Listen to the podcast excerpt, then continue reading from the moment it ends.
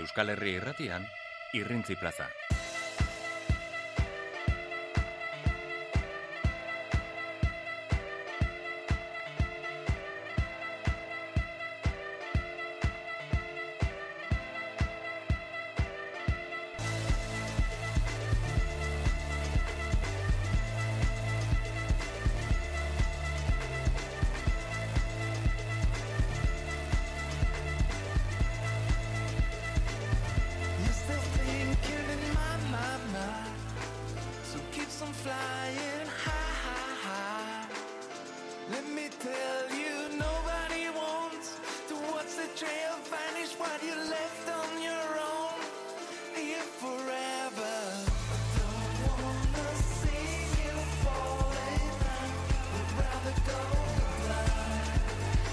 Arratxalde honen entzuleok hemen gaude Euskal Herria irratian, akaso e, somatuko zenuten, e, gaur e, eguerdiko albistegia ez dugula berriz eman iruetatik aurrera, gure barneko kontu bat izan da, azkenean ezin izan e, dugulako programatu barkamena eskatzen dizuegu, horregatikan, e, baino tira, ja dena konponduta, hemendikan aurrera ja, espero dezagun dena normal e, egitea berriro.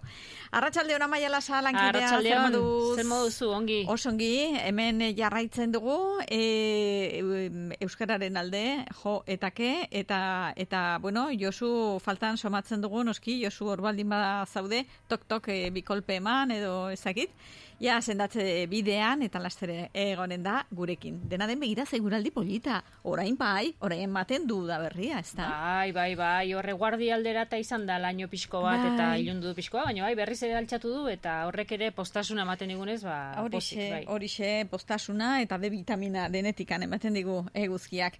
Eta eta hori eta holako berri positiboak behar ditugu ze ingurutik datozkiunak egia san e, euneko ia laroita emeretzi txarrak direnez, ba, konpensatzeko pixko baten, ba, holakoetan enbilatu beharko dugu konsolamendua. Eguraldian, eta baita, ba, dauden eh, berri positiboetan ere bai, eta hoietako batekin eh, abiatuko gara. Gaur hemen e, iruñera etortzekoa baita, idazle bat, Lierni Azkar Gorta, e, sari bat jasotzera. Berarekin hasiko gara, eta gero jarraituko dugu gaur ere, gonbidatu handana dugulako hemen irrintzi plazan eh, gurekin egoteko. Hemen iruñerria jamaika klas Zuentzako besarka da beroa Euskal Herria irratia. Iruñerritik mundu osora.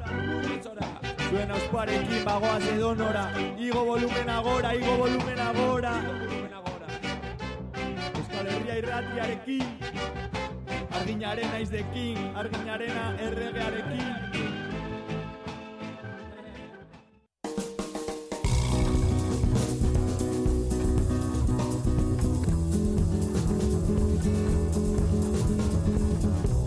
Joan den urtean eh, Lierni Azkargorta idazle Lazkaotarra ezagutzeko aukera izan genuen, eh, bera izan baitzen Iruña iria poesia lehiaketako euskerazko modalitatean irabazlea. Iruñeko udalak eta Nafarra Ateneoak antolatzen duten sariketa horren amabosgarren edizioan, eraman zuen lehenbiziko saria esan bezala, eri poemia izeneko lanarekin. Bera idazlea izateaz gain erizaina da ere, eta osasungintza alorreko hitz eta kontzeptu batzuk ekarri zituen poesiaren mundura poema honetan. Eta aurten beste sari bat irabazi egin du hemen Nafarroan. Nafar Ateneoak antolatutako euskara utzezko poesia saria irabazi du eta gaur bertan hemendikan gutxira ratxaldeko bostetan emanen diote. Gurekin Lierni Azkarkorta. Arratsaldeon Lierni eta zorionak. Bai, arratsaldeon, bai, eskerrik asko, bai. Bai, aurtengo lana desberdina izan da, ez da, iaz ba, horre ba, mm, poema sorta bat prestatu zenuen, aurtengoa poema bakarra izan da, poema luzea eta gai baten inguruan egin behar izan duzuena. Aurtengo gaia ama zen. Konta iguzu, nondik Bai, hartu zenuen inspirazioa zure poema honetarako? Ba, ba, hoi, ba, bueno, propio inun e, poema bat, ba, lehiaketa ontako, esan gaia gustatu zitzeiten ama, ba, gai oso e, potentea, eh? bai, eta ba, ba hola animatu nintzen, eta inspirazioa ba, hoi, horren ingurun ba, etorri zitzeiten, e, bueno, e, ba, izpiu joko bat bezala e, e, planteatu nun, ba, ama hitza eta esanaia izpilu horren jarri, eta e, latzen den beste ama horrekin, ba, sortzen den e, izki-izki, izki bakoitzaren atzean den poema jaso nahi izan duet. Eta iruntzian e, e, reverso edo, erderaz, de reverso edo esaten dana, borti dator, ez? Izki amaren iruntzian den, ba, esan nahi, e, zea, zabal horren horri indako poema bat bezala da, bai. Eta e, zer kontatzen duzu, zure bizipen e, propioak dira, zuke ikusten duzuna, zuk sentitzen duzuna, ezakit alaba bezala, edo, edo ama bezala, edo nola enfokatu duzu? Bai. Bueno, e, gehien bat enfokau den ni ama bezala, bai, hor jarri naiz, e, ama nahi, amatasun horri e, idatzi diot, bai, zatik oso esan nahi ama izan ziteken baita, eh? esan dezun bestela, e, ba, alaba bestela, ba, nire amari, baina ez oain, bueno, bintzat, hola atera zitzaiten, ba, ni ama bestela jarri, eta ba, amatasun hortatik e, e, itzegin tendo, bai, e, poemak, bai. Eta zenolako uh amatasuna edo e, erakusten duzu poema honetan? Ba, ir, hola, irudi askokin jolastu dut, ba, ba egi esan, e, bueno, izen burutik hasita, ba, ez ez, amatasuna, ba, e, bai, ederra, ederra da, baina baita ere dago gorra, eta pixka, ba, ama ama posiziotatik edo gogortasun hoi edo bai bai hoi, ez? E, ama aizatearen e, iruntzian zer den, ez? Vuelta bat emana izan du dioto, gira emana izan diot igual, e, ba, posizio horri edo karta horri, bai, amatasun nahi zen posizio hortatik. Nere, anere amatasuna nik sentitzen duten posizio hortatik, eh? beti ere, oso personala, malen personala, barrutik nola ateratzen zaiten nahi behintzat, ba, nire begira da personaletik, bai. e, topiko asko dago amatasunaren inguruan, ez da? Bai. Hoi da, pixkatoi ez, topiko hiek, topiko errez, errezegi, igual jausten gea topiko hietan, eta ba, pixka bat hoi, baina e, alare, ba, oi ez, eh, ama izatearen ba, beste alderdi hoi edo, e, irudiz eta oso, oso irudikin eta asko jolastuta dator ordun ba, oi ez, e, e, horrekin batez ere jokatu bet, ez? E, ez du zuzenean, ba, e, ezatik, ba, oi ez, ama, ama, ama izatea, ba, be, be, ba, argitzaloiek ere argi ere izugarri potentea dauke eta edertasun hori ez nun itzaldu naizatik bada, e, baina baita ere ba, ba bideare ez da ez da erreza eta ordun ba ba pizkator, ez? Argitzaloiek sartu nahi izan du ditut. Uh -huh. Esan dezun bezala, bai, bai. esan dezun bezala oi topiko itatik iesei nahien, bai. Uh -huh. Eze izen jarri diozu poemari? Oi, iruntzian, iruntzian, izan ado, eta ba, e, oi, rever, edo reverso edo izango litzeke. Eta gero grafismoakin pixka jolastu nahi izan dudet, oi, eh, ama e, sei poema txikiz, bueno, bat oso lotura ondi eduten e, poemak die, sei poema txiki, eta...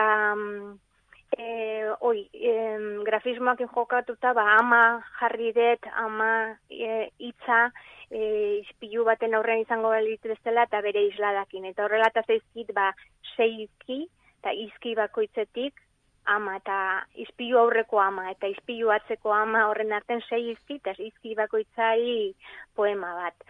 Bai, Aha. Osongi. Eta esan bezala, ba, gaur arratsaldeko bostetan e, emanen dizute, atenibaren egoitzan, sari hori. Eta gero, berandu xago, zazpietan, kondestablen, e, hain zuzen ere, topaketa bat eginen duzu ara bertaratzen den jendearekin, ez da? Zertaz hitz eginen duzu poesiaz, matasunaz, denetaz? Bai, oira, em, bai, e, pozin nau, bai, bai ba, gauza batekin eta bai ba bestekin egizan. Bai, bostetan em, sari emango diate e, Ateneo, Nafarra Ateneon em, zea, lehiaketa honen saria, baina gero ja zazpietan em, izango da itzaldi bat, ba, aurrena izango deu pixkat em, pandemiaren eragina poesian, hor ingurun pandemia eta poesiaren e, gaiak pixkat elkarrekin uztartu, eta, bueno, olako xe itzalditxo bat i- izango da, eta gero eri poemia nire aurreko iruñairia zariera zitzon olerki e, bildumaren inguruan, ba, poesitxo batzuk errezitatuko ditut, bai. bai. Eta, bueno, e, zu idazlea zara, eta gainera erizaina, ze moduz bizi izan duzu pandemia hau? Bai, ba, ba hortxe, gogorra, gogorra izaten nahi da, bai. E, gaina toka uzez, e, bi aldetatik pixkat, e, bueno, pixkat, desente, sufritzea, e, bai, erizainan naizen aldetik, eta baita ere, ba, ba e, COVID-akin gaixotuta izan naiz, eta baita ere asko kostatzen naizeit rekuperatzea. Orduan bi, bi ikuspegi horietatik ba egizan gogorra izaten nahi da. Emate, no ez da lain ez dukauko egizan. Eta, bueno, ba, intzuzen eri poemia hor, e, hor izalatetzala jaio zan. Hor nire barruko zauri guzti hoie jaso zitun lana izan zan, bai. Horixe. Eta, bueno, bai, bai, bai. Primeran. Eta Lierni, e, hor seguro eskura duzula zure poema saritu hau, amaren ingurukoa, iruntzia, eta nik e, eskertuko nizuke irakurriko ba zenitu bertso batzuk guk ikusteko pixka batean. Ze kontatzen duzun? Ongi zaizu? ondo. Bai, bai, oso postik eta eskerrik asko gaina aukeragatik, bai. Primeran. Ba, esan dizueten bezala, ba, seizatitxo dauzke, eta mm, em, ba, zati bakoitzak bukatzen du galdera batekin, eh? Eta, bueno, ba, irakurriko izuet, ba, justu bosgarren zati, e, orduan, em, a, ama, a, m, bost, a. Sabelekoa izan nuen behin, enezeruetako arrautza guri argia, urrunduz doa, errodatuz, ostertzaren ekilibrio librean, urrunduz aldentzen da, handituz bezain txikituz, hanka bakarrean koskari jarraituz, nire zati txikia, errun garai estia. Biak galdu ditut, biak garbitu berriak, orma joka dabilen, abioi ez jakin baten, kaxa beltzaren irian. Ispiluak amaraun ikurrez mehatxatzen duenean, dirudiena dirudi, alde bietara bi. Lio finez bilduriko sexua zarantz, izan bada jolaslekurik, joango zait, belaun ubel eta urratuen mapaz gaindi, hain usapal, urdinez margotu diodan patioraino, eta arago oraindik. Maite dudan zati nirea, badoakit, badoakit nire barne izan zena, noraino, korapilo askatu eta askatuago, umotu eta gurtzen hasia dut araindiago. Zer izango naiz ni, ama izan eta geroago. Horixe, ba, zure poemaren zatitxo honekin geldituko gara, Lierni Azkargorta, benetan eskerrik asko gurean izateagatik, zorionak eta placer bat berriro zurekin hitz egitea. Mil esker, Eskerrik asko zuei aukeragatik, eh? Beste bat arte, bai, arte. agur. bai, agur. Etxe autosaltokia edo zein sintonizatu ta dientzun Euskal Herria irratia Euskal Herria irratia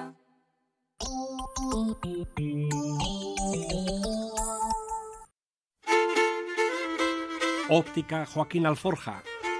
Kirolean aritzeko betaurreko beresiak txirindularitzan, mendian, eskian edo ur kiroletan. Behar izan ezkero graduatuak eskatu eta kirolaz disfrutatu erosotasun osoz. Optika Joaquin Alforja Iruñeko udal plaza bat. Begiz begiko zerbitzua.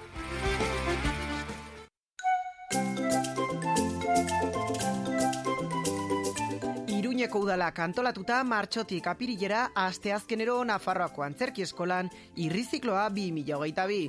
Martxoaren hogeita iruan arratsaldeko zazpietan nomofobikaren eskutik jakerra kantzez lana.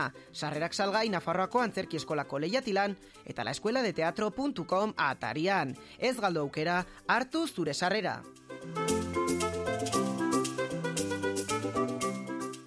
Noainen, Serreria Esparza. Zurdindegi eta ebanisterietarako hornikuntza. Altzariak, eskailerak eta upelak egiteko askotariko zura. Gaztainondoa, gereziondoa, lizarra, informazio gehiago serreriaesparza.com webunean. Gure berezitasuna, aritza. Azken aldian albiste txarrak baino ez ditugu entzuten, baina honak ere behar ditugu gure osasunerako. Guk albiste ona eman nahi dizugu. Aurten amabi urte bete ditugu. Amabi urte erleek ematen dizkiguten produktu ez gozatzen. Kalitate goreneko eztia, erregina jelea, polena eta propolia eskaintzen.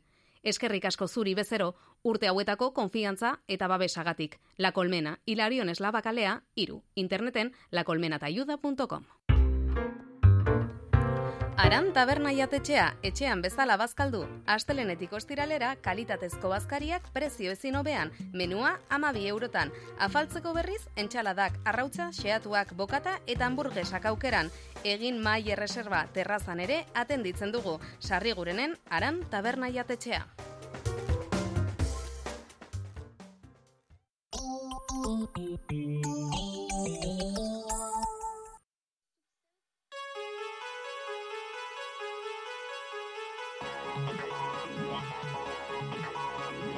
solo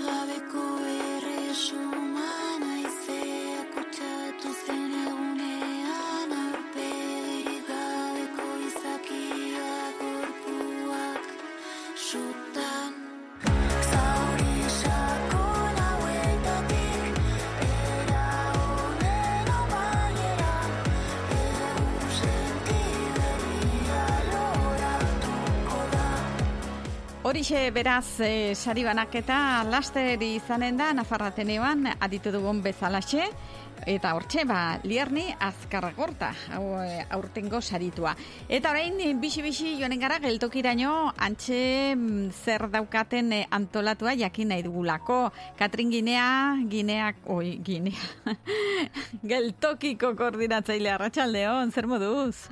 Ondo, ondo, arratsaldeon, metxe, landalan. Oixe, oixe. Aizu, Katrin, e, gauza batea, hasi baino lehen, e, gastroshow bat anto, e, iragarria zegoen, Euskaraz gainera, asteburu honetarako, baina hori, e, ze gertatu da, bertan bera, gelditu dela? Bai, bai, gauza da, iruditzen zaigu, agian jarduera gehiagi dagoela azken aldian, e, Euskarazkoak, e, bueno, korrika kulturala dela eta, edo korrika badatorrela eta, ba, erabaki genuen antolatzea oraingoan gastroshow euskaraz, baina eske astelenean bi sarrera bakarri zeuden salduak eta pena bat zen normalean betetzen da eta guretzako jarduera eta ekoizlea euskalduna ere e, prestegoen etortzeko eta ikuskizuna ere bagenokan lotua, baina bueno, pues, batzutan pasatzen da eta egia da batzutan jakin behar dela esaten, bueno, pues, gehiegi, gauza gehiegi dago momentu honetan eta bueno, pues, pues listo, ba, Bai, bai, bai, bai. ditu, eta, bueno, honen partez antolatzen ari gara orain, baina aste santuko egunetarako aurrentzako, eta hau primizia da, eh? baina aurrentzako gastro show moduko bat egingo dugu, bai, ze inoiz ez dugu egin, baina nolabait e, e, oporretan egoten diren,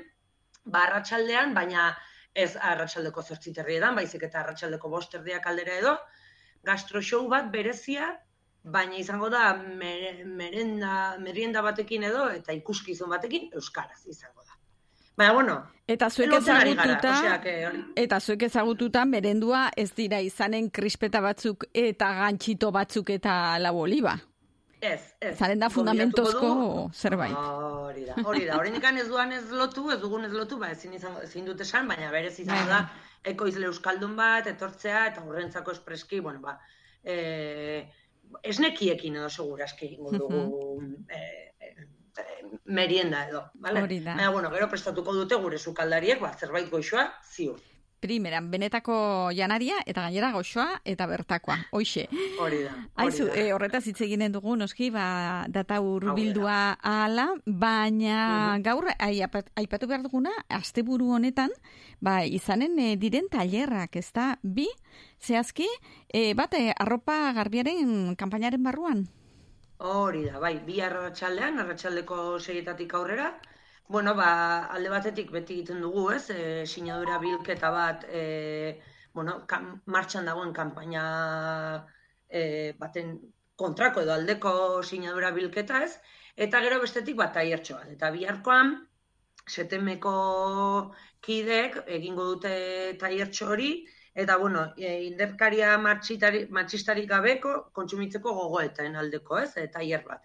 Eta izango da, kolax e, teknika bitartez, e, bueno, lako e, poster moduko bat egin, baina pixka bat gaia jorratzeko, ba, eungintza inguru horretan dagoen, e, bueno, eungintza edo modaren inguruan dagoen e, arazo bat, ez? Eta, bueno, eta gero, hori gainera, e, maiatzaren, martxoaren, barkatu, martxoaren zortzia e, hartuta, ez, ardatza hartuta, bueno, pues, e, konsumimos violentzia edo erderaz esaten diot, eta, bueno, pues, pixka bat, e, kontzientzia hartzeko askotan moda, ez, badela kosifikatzen dela, nesk, emakumea, ez, edo, bueno, pixka bat, e, gai hori jorratuko da. Eta, bueno, bakoitzak eraman izango du, bere etxeara, postertxo bat eginda, ba, kolas teknikaren bitartez. Eta hori, bihar eh, ostegunean beraz, izanen da, arratsaldean? Hori da. Arratsaldeko seietan, bai, eta plaza gutxi batzuk libre daude, eta doainik da, baina e, gure web horri bitartez e, apuntatu beharko da. Osea, que animatzen dugu jendea apuntatzen gainera da, adin guztietarako, eh? gazte heldu, aur edo, edo familia hartan etorri Mhm. daiteke. Osea, que Hori da, eta han landuko da dena, eta han aurkituko ditugu hain zuzen ere ba, e, materialak eta dena, ez da, etxetik ez dugu ezer eraman behar, ez? Ez, ez, ez, lasai. Aha. Denetatik eh, prestatuko dugu, hemen prestedukiko dugu bai. Oso, ongi. Hori beraz, e, alde batetikan, eta eta gero bestetik, e, beste tailer bat larun batean. Ze izanen da hori, zehazki? Vale, larun batean Riper kafea dela eta, e, hilabeteko azken larun batetan bezala, e, bueno, alde baterik jendea etorri izango da, konpontzera bere gailuak, apurturik daudenak eta voluntario talde batekin lagunduta la, e, konpondu edo konpontzen saiatu behintzat, eta e, bestetik taiertxo hau. Taierra da, polit plastik deitzen da, eta, bueno, etorriko dira em, taldetxo bat badago hemen lan egiten dutena, bueno, beraiek egiten dutena da, plastikoa bildu, e, klasifikatu ez, zeren arazo bat omen da ere plastiko hori nastuta dagoenean, karo gero, ba, sortzen dena, nasten baitugu kolore ezberdinetako plastikoak, ba, ateratzen da azkeneko emaitza, ba, marroi kolore bat adibiden, ez ez? Orduan alde batetik, azalpen bat, txiki bat emango dute, hori ze garrantzia daukan e, berziklatzeak eta gauza guzti horiek eta plastikoak ere berziklatzea kolorez eta hortik aterako dira, bueno, alde batetik e, e, plastiko hori bigunduko dute edo edo eta sortuko dute olako pieza bueno, barra modu- moduko piezatxo batzuk eta horrekin gero ingo dute em, forma eman da Horrendik ez dakit, ze, bueno, buelta bat ematen ari zen, eta, eta hierra emango duenak, eta eramango dute hemendik ba, agian, e, poto bat, ba, arkatzak sartzeko edo, edo figuraren bat, edo zerbait, ez? Eta da familiarteko tailer bat ere. Eta plazak ere badaude oraindikan, osea, animatzen dugu jendea ere parte hartzera. Ara, ze polita, ze interesgarria, ezta? Bai. Honek hiru euroko kostua dauka, eta bueno, ez dut esan, e, egingo da makina 3D doietako makinekin egingo ira formo. horiek, Inprimagailu berezi hoiekin, ezta? Hori da, Mhm. hori da, hori da. Bai. Oso ongi. Ba, hori horretan izena emateko aukera zabalik dago, larun batean izanen da, hori goizean, goiz partean. Goizean amaiketan. Amaiketan. Bai. Oso ongi. Aizu, Katrin, eta, mm, eta despeditu baino lehen, e, zer da pirilaren bukaeran eginen dena azoka berezi hori hori ikusi dugu, emakume sortzaile nomadak, ari direla zerbait antolatzen, ez? Hori da, bai, a ber, bada, elkarte bat Euskal Herri mailan dagoena, eta bertan daude sortzaile emakume euskaldunak.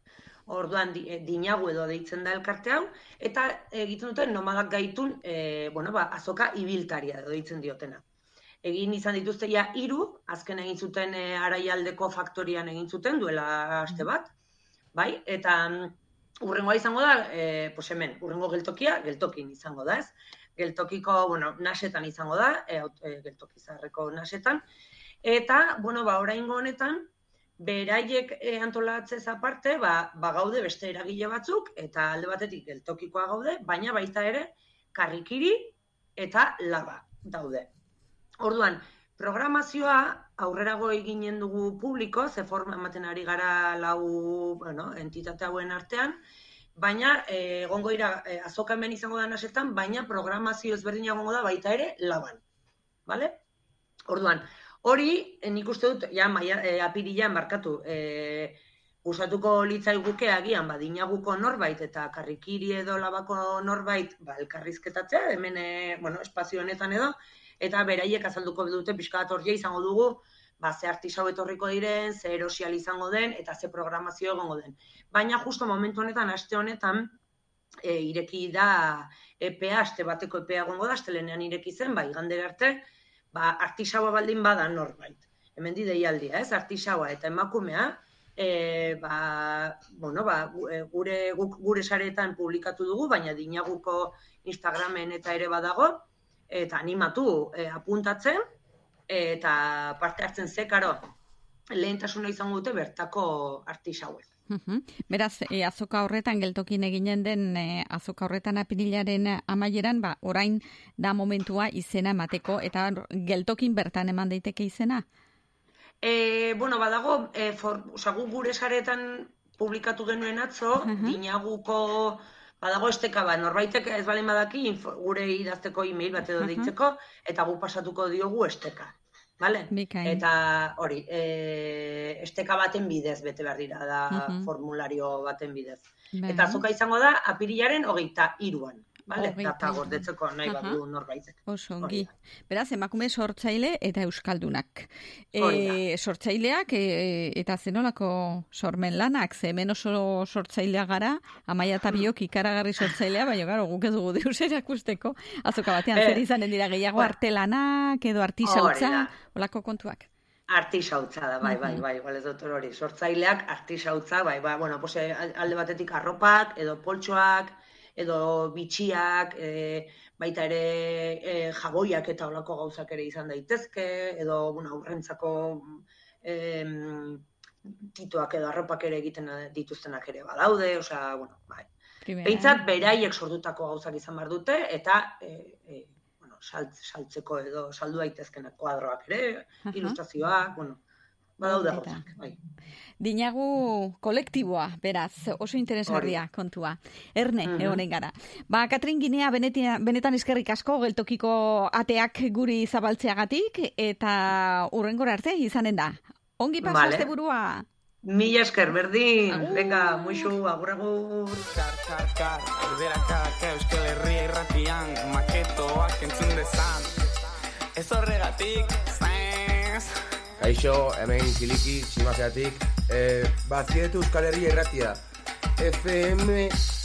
La, um, mira. Eh, 2022 ekialdearen da. Aldizkarien plaza.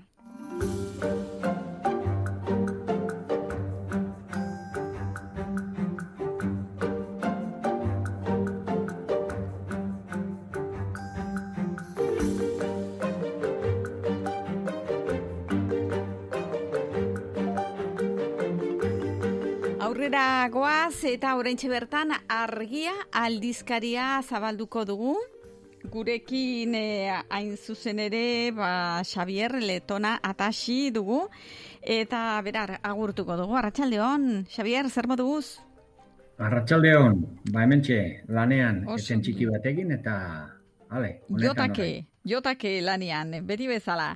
Aizu, eta, bueno, aste honetako e, zenbakian e, besteak beste, eta nola ez, ba, Ukrainako e, gerraren hotxak ez da bildu dituzue, eta hor, ba, gogoeta oso interesgarriak ikusi ditugu, pelio zubiriak sinatutako artikuluan, ez da? Ukrainako gerran esnatu da gerra nuklearraren izua. Eta nik uste dut e, denok badugula, ez da? Amets gaizto hori buruan. Ba, bai, ez, pentsatzen genuen Ukrainiako moduko gerra bat e, iristea oso zaila izango zala, eta lehenago pentsatzen genuen e, gerra nuklearra oso zaila izango zala. Astu egiten dira gauzak eta astu egin dugu gerra hotza ez hainbeste dala bizi izan dugula, eta orduan bain hainbat unetan e, izua izan zela e, gerra nuklearrarekin. Eta hemen, ba, aipatzen da momentu hoietako bat, esate baterako, ez? E, bueno, momentu horietako bat iraganekoa, baina baita ere, ba, momentu honetakoa ze, gerra hogeta lauan, otxailaren hogeta lauan piztu zenean, badenok gogoratuko dugu nola e, Vladimir Putinek argi eta garbi esan zuen inork, e, inor estrompatzeko moduan, norbaitek asmorik baldin badu guri bidea ostopatu edo gure herrialdea eta jendea mehatxatzeko, jakin beza Errusiak berehala erantzungo diola, ark bere historian sekula ikusi ez dituen ondorioekin. Eta danok ulertu genuen berehala arma atomiko ez ari zala jakina. Baina ez hori bakarrik, ez zuen hori esan, hainbat zentral nuklearrei ere eraso egin ziren, eta eta Txernobilgo zentral nuklear ospetsua bera ere, hogeta lauan bertan, errusiar soldaduek e, beren eskuetan e, zuten, ez? Ero eraso egin zitzaion baita ere ba, zera Zaporiziako zentrale nuklearrari, eta aldi berean ikusi zen horrekin, ba, gaur egun, e, bueno, e, ba, gaurko munduan nuklear zibila arma arma bilakatu dela, ez da? Eta horrek sekulako arriskua daukala e, mundu guztiarentzat, eta, bueno, gaur egun, ba, esaten da gutxi gara bera potentzia handiek bos mila bos mila ez, ama bos mila arma nuklear baino gehiago dauzkatela, eta orduan hoiek e, leherrara zizkero bagarbi dagoela negun nuklearrean morbilduko litzatekela e, mundua. Hau da, aurrera baino atzeragoaz. Eta hainbat itun eta sinatu izan dira nazio batuen erakundetik, eta hemen aipatzen da erreportaje honetan abidez nola, e, bizitzaren kasualitateak 2000 eta hogeta biko urtarriaren hogeta bian sartua zen indarrean arma nuklearrak debekatzeko ituna. Baina nazio batuen erakundean itun hau bakarrik sinatu zuten e, zera, egun da hogeta bi estatu, haundienek arma nuklearrak dituztenak ez zuten e, sinatu. Eta, bueno, horrelako hainbat kontu aipatzen dira erreportajean, eta jotzen du baita ere nola aipatu du moduan aurrera baino atzera goazela, atzera egiten du, eta jotzen du mila bederatzerun da iruro eta bira gogoratzeko nola orduan, ba, kubako misilen e, krisia izan zen, eta nola, nola jarri zituzten e, estatu batuek mila bederatzerun da berrogeta sortzian, Italian eta Turkian, e, ba, misile nuklearrak eta horri erantzunez lau urte geroago iruro eta bian nola Errusiak, bueno, orduko soviete batasunak nola jarri zituen misilak kuban eta nola izan zen ba, ba, gerra nuklearra gertu-gertu lehertzetik, ezta? Eta, bueno, hoiesek e, guztiak eta eta beste hainbat kontatzen ditu peio zubiriak erreportaje honetan. Ba, beik eskatzeko moduko egoera, inolako zalantzari gabe, ez da mundu globalizatu honetan, erasoak eta eta armen ondorioz ere ba, globalizatu egiten eh, baitira. Eta beste gai bat e, hartuko dugu izpide, zuek eh, hemen landu duzuena, saioa balestenak idatzitako e, elkarrizketa da, ez da? Hemen, e, bueno, ba, transfobiaz e, hitz egiten da. Konta iguzu, zer da zehazki norekin e, aritu da solasean saioa? Bueno, Elena Crespi Asensio, eh, psikologo, sesologoa eta Konube de Violeta Kongresu Feminista sustatzailearen e, elkarrezketa e, da hau, eta bueno, hemen batez ere aipatzen da ba, nola hainbat kontu, baina e, indarrendia egiten du ba, nola feminismoak e, berrikusi behar dituela bere oinarriak, eta ez, e, berak dioenez, ba, modu horretan soilik e, konturatuko delako feminismoa ba, barneratu ditugun irakaspen e, matxisten, ez? Eta berak dioen moduan, ba, feminismoan murgiltzea ikaskuntza eta berrikusketa prozesu iraunkorra da, gero eta kontzientzia handiagoa hartzen baitugu horrela. Egiazki, matxestak diren eta normalizatu ditugun e, gauzekiko. Eta bueno, berak dio ba, berdina gertatzen dela ba, eguneroko arrazakeria, kapazitismoa, LGTBI, e, e, fobiak eta abarrak azten eta abarrak antzematen azten garenean. Beraz, ba, bueno, ba, oiesek eta beste amaika kontu Elena Crespia esen ziren elkarrezketan. Hori da, fobiak eta fobiak eh, aipatzen hasi ezkero, ba, euskara fobia datorkigu noski burura. Eta hoixe da, zuzen ere, ba, aste honetan eh, argitaratu duzuen, larrun eh, ba, aldizkariaren gai nagusia, ez da?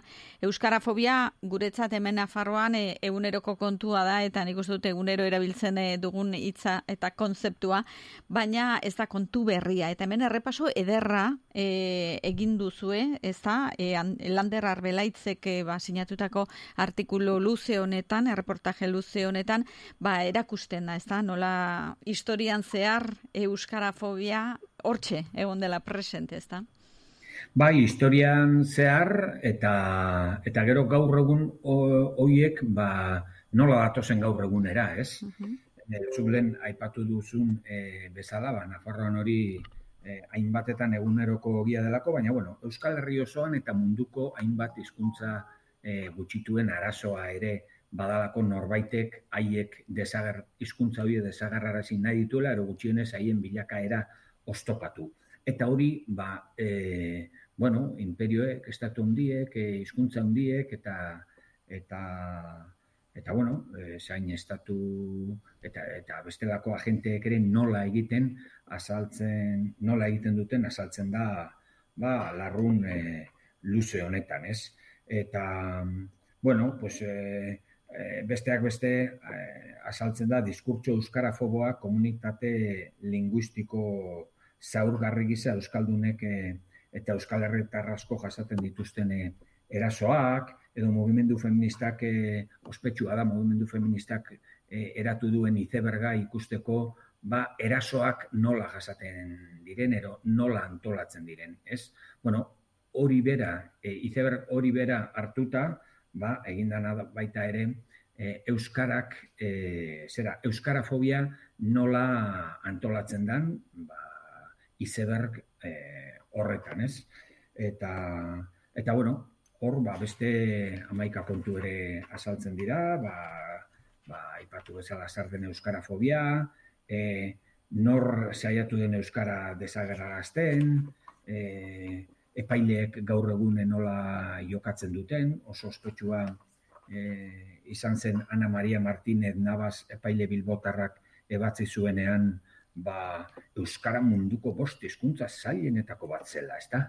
Eta, eta bueno, pues, hoiek guztiak nola antolatzen diren eta nola egitoratzen diren e, kontatzen da larrun horretan, hain zuzen ere, ez bakarrik kontatzeagatik, baina baizik eta hoiekin ahalmendu gaitezen eta eta bueno, pues, e, e, jakin dezagun e, trampa guztietatik nola atera. Orduan, eh, Xavier, nirekin egonen zara ados, eh, esatean, eh, ba, munduko bosgarren hizkuntzarik zailena baldin bada, edo zailenen artean baldin badago euskara, ba, meritu gisa hartu beharko zen, eta gainera puntuatu, ba, puntu gehiagorekin, ez da, oposaketetan, esate baterakoa, hain zaila baldin bada, ez? Horixe, horixe, arrazoia duzu eta ba, hori eraman beharko litzake Nafarroko gobernura orain. Horixe. Hemen, eh, beraz, ba, informazioa eta argudio oso interesgarriak, eh, larrun luze honetan eh, oso sakona eta oso oso interesgarria hemen, ba, aste honetan argitara eman duzuena, Euskara fobiaren inguruko, ba, berezia. Xavier Letona atasi benetan eskerrik asko gurean izateagatik eta ongiru itzen bazaizu, ba, heldu den astean gehiago mintzatuko gara, datorren astean argitaratuko duzuen argiari buruz, noski. Oso ongi ba. Primeran. esker. Ongi segi, agur agur. Berdin agur. Irrintzi plaza, Euskal Herria irratian. Edabideen plaza, tokian tokiko plaza.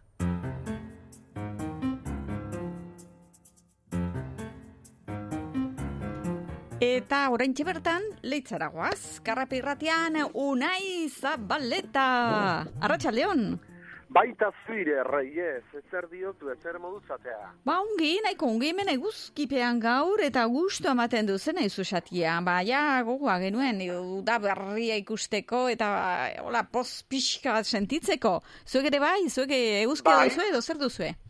Gurean goizetik berdin, euskie eta zeru urdin eta eta hori guztie bai, hori bai, e, aizeare bada baila azken egun otonan irakizuen bezala, aize ufada osko oskor xamarrak izan ditu, eta aizea, e, aizea moitzen duen, e, ostra, ezurretan jo sartzen da, eh? Hot Bai. sentsaziorik ozkorra da, eh? Nahiz Bai, esan bai. bezala, dotore ziren nagusi, baina aizea moitzen balima da, e, beroki eta olakoak e, behar beharrezkoak badie sobran deusez, eh? Bai, Baina gu hemen, tira, amaia eta biok hemen eh, ba, negutegi moduko batean sartuta gaudenez, e, hemen irrintzi dorrean esan nahi dut, ba, bai, kristalak ditu eta eta leio zabalak eta ikusten du gau e, guzkia eta e, zeru urdina da hola, baina gau, aizea ez dugu sentitzen. Ez duzu sentitzen. Gu gaude hemen Madalenako letxugak bezala, neutegi batean Ja. sartuta. Baina, bueno, bai, bai, bai, kalera ateratzean somatzen da. E, Ja. Aize sarkor hori, bai, bai, bai. Bueno, edoze modutan ederra daula esan behar. Bai. Bai. berri giro bete-betekoak, eta badire, badirudi alaxe iragartzen eh, aidiela. Bueno, bizpairu kontu baditxot kontatzeko, rei, ez? Bai. Eta udaberrik badakerki kolore eta edertasun, eta ba, uda kontuk euski, eta olako lore txori kanta, eta bat eta beste, eta? Alergiak ere bai. Barkatu? Alergiak ere bai. Eta alergik ere, bai, bai, gaur ikusten da, bat doministikuke, bestea begik eta mukik zorroan bera, zurretik bera ditxula, eta eta bai, hori diagie da, eh? E, alergik ere badakartzi bai. Baina gurean eh, bestelako kontuk izan du dielengoa asteburun, eta bate honak, eh, bate honak ez, beste behin eh, hostiel iluntzen laster zabaldu zen eh, albistea eta eta kolpe kolpe handia izan du da. Jakin badakizue, sakanako lakuntzako lantegi hortan, eta meretzi urteko gaztea, Igor Zubilega, Bai. lan istripu nola hil zen, e, bueno, Igor Leitzarra zen, oita meretzi urteko gaztea, eta berriozarren e, bizi zen, laster zabaldu zen e, herrin, udalak e, olako, bai, e, bere zare sozialetan, jakin bezala, e, bueno, bere idatzi bat edo zabaldu zuen herrin e, barna, eta egia esan, e, bueno, ba, kolpe, kolpe latza izan du da. E, beraiek, e, bueno, zenidek, hola, pintura edo pintaketetan aitzen ziren, leno, lehitzen eh, esan e, bezala, oain e, hilebete dola zizen igor e, enpresa honetan e, lanen, eta, bueno, ba, hoixe, atzo badakitzu bat ziren, hainbat elkarretaratzea antolatzuk, lakuntzan bertan, lantekin bertan goizan elkarretaratzea izan duzen, atxalden herrin bertan bai, baina gero, latzo atxaldenen berri dozarreta lehitzen e, bi herritan e, bazien e, bai, elkarretaratze, kontzentrazioak lehitzen je, jendetsue izan duzen, e, ela eta labeko ordezkari, Nafarroko zemek ordezkari ere bazien e, tarteko, sindikatu desberdinek antolatu zila jakin badakizue, eta, bueno, txapolo, txalo zaparra da batekin bukatu zen, lehitzeko elkarretaratze hori e, betire.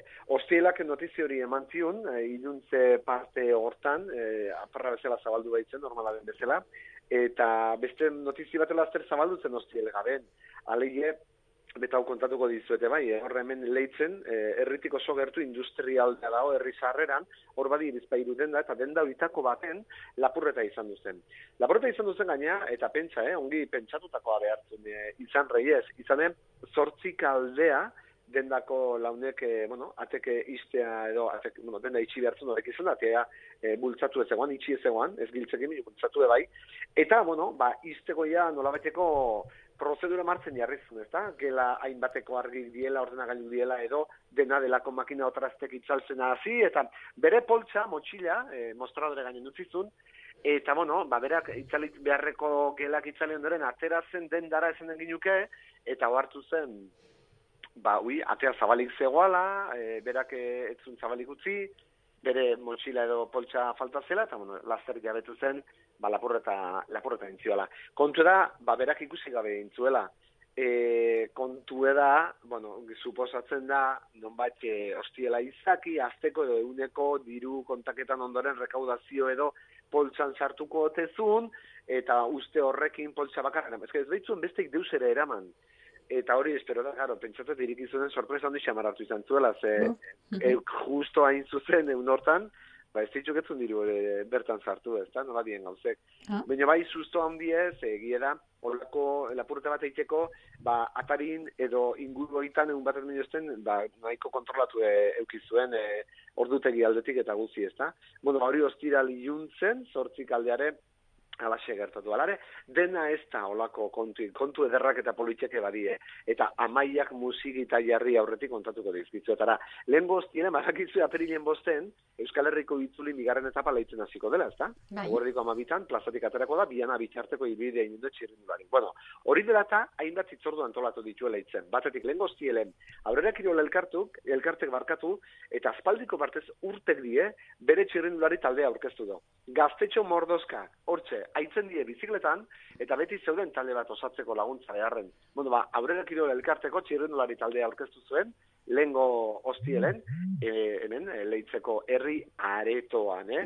Eta, bueno, ba, pozik, bain, babes hori badue, beren elastiko, beren arropa guzikin, eta bain, ba, mantxo-mantxo, ba, zenbait karrereatan, eh, muntura sartuko due, hor leitzarrake hasiko die e, lanen. Datorren astelenen, txirrendulari profesionalez osatutako mai inguru beti izanen da herri aretoan zazpitan, eta, bueno, ba hori, datorren astelenean gero, apirilen bien aurrentzako hainbat itzordu antolatu ditue, eta bosten izango da itzulie, edo bigarren etapan hasiera leitzen e, bertan. E, azpigitura aldetik, buf, brutala da, eh? kontatu digute, ez dakitzen bat ekipo eta horrek esan nahi do, hainbat ez dakitzen bat autobus etortze etorriko diela, pentsa, kotxe, moto eta hori denak nola batxe antolatzeko, ba, herriko hainbat aparkaleku garbi libre utzi behar diet, bueno, aurrego saltza hori guztiek kontatuko dizuet, bai? Beraz, e, bada, eh? Txirin Eta albiste onare etorri zau, nola dien gauzek, Euskal Herriko itzulin, bigarren etapa hori, leitzen hasiko den hortan, eta urtengo Euskal Herriko itzulin, jo, ba, ba nola dien, bi leitzar txirrendulari profesional baditugu, Mikel Nieb eta Ibai Azurmendi, eta bakoitze bere taldekin, ba, itzuli, e, itzulin parte hartuko du, eh? Itzuli oso garrantzitsua da, e, ba, bai, eta gaina e, zona handi edun itzuli da Euskal Herrikoa, txirrindulari munduko onenetakoak horri izaten die, eta gure txirrindularik ere bertan izanen die, zan bezala, norbera bere ekipoakin, eta gainea, ba, berezitasun horrekin, berentzak berak kontatzen ziguten, e, parte hartzeaz gain, latza dela berentzat, beren herritik, e, etapa bat hasiko duela, ezta? Bueno, ba, hori de bada gurean albiste. Eta bestelakoetan, bueno, bera, e, leitza komunikatuz. Olako, bueno, parte hartze prozesu bat martxan jarri da. Lengo azten informatiboa zen, eta bihar, ja parte hartze prozesu hasiko da. Leitzen, baditugu, bueno, gurea bezalako irrati eh, kom, ezera komunikabidek eza, ba, izan e, ba, gurea, karrape, izan txipitapa aldizkari eskualdekoa, izan marmari aldizkarie, gure herrin e, eiken e, dena eta bar luze bat ezta. Hori gutzi pixko bat, bueno, ba, horren lanketa bat eta e, eiken e, azitzen taldetxo bat, eta baina herridia aurkezten bai ezta. Bueno, ba, hori gutzi nola bideatu edo nola osatu ote ditxiken, ezta. Bueno, ba, parte hartze prozesu bat hasi zen, lenguazten informazio edo informatiboa izan duzen, bihar ja, bueno, pixkota lanketa baten eh, hasiko die, hiru saio izan dienak, e, kasu honetan martxoa, apiril eta maiatzen, bihar aurrenekoa. Eta beste kontutxo bate bai, kasu hontan, e, bertso bazkari baten berri. Zare herritarrak bertso bazkaria entolatu baito, datorren lanbetzen izanen dena, hileko ita zei. E, ederra da, ze pentsa, bertso bazkari apari gabe bi urte iraba ditugu, e, egoera dela eta eta, bueno, bon, berreskuratzen nahi dinontan, ba, bueno, ba, lanbetontan, aukera hori izanen da. Jone Euria eta Joanes Ilearregi bertsolarikin, bertso bazkaria entolatu dole itzeko, kornita elkarten esan bezala sare herritarrak. Bueno, jadanik hortxe, ba, e, sarerak edo txartelak saltzen e, aidie, eta, ia ba, ia ba, saltzen dien, eta bazkal ondore bertso bazkari bikain bat e, egiteko aukera bai, eta gozatzeko aukera izaten duen bertaratzen, e, bertaratzen dienak, eh? Eta bestetik, dei bat ere bai, eta lehitzen itzaire aurre eskola dugula badakizuet, okerez bandai, badak, azte buru honetan bada manifestazio antolatu eirunen, ez da? Zero iru urte bitxarteko, bueno, ba, aurre eskolen inguruko aurrekoan elkarretaratza gaintzien herri mordozkatan, bueno, ba, manifestazio bat ere detxuta dago, eta lehitzeko itzaire e, aurrezko batik ere, deialdi horrekin bat, herrin ere, bueno, bueno, batiko garrorire banatu edo zabaldu du, eh? Bertan e, parte hartzeko eskari hori inez. Eta tira, ba, olaxeko kontuk, bi puntetan e, lotuk, erdin korapilatuk. Primeran, eh, primeran, oso ongi. Ba, zabaleta, benetan eskerrik asko, eh, leitza eta leitza inguruko kronika eder hau pasatzeagatik, eta eskerrik asko eta gozatu arratsalde eder honetaz. Ados? Bikaini dau eta gozatuko dela txazuela dudikin. oso ongi. Eskerrik asko unai, besarka da. Ez da deuse. Agur. Aio, aio. Espainia laguna Beti ulertuko zaitu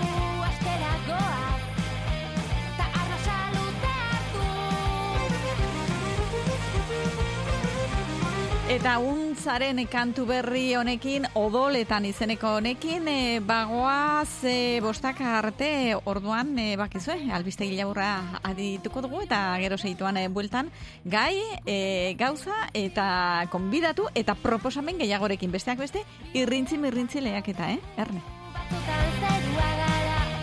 Eta askotan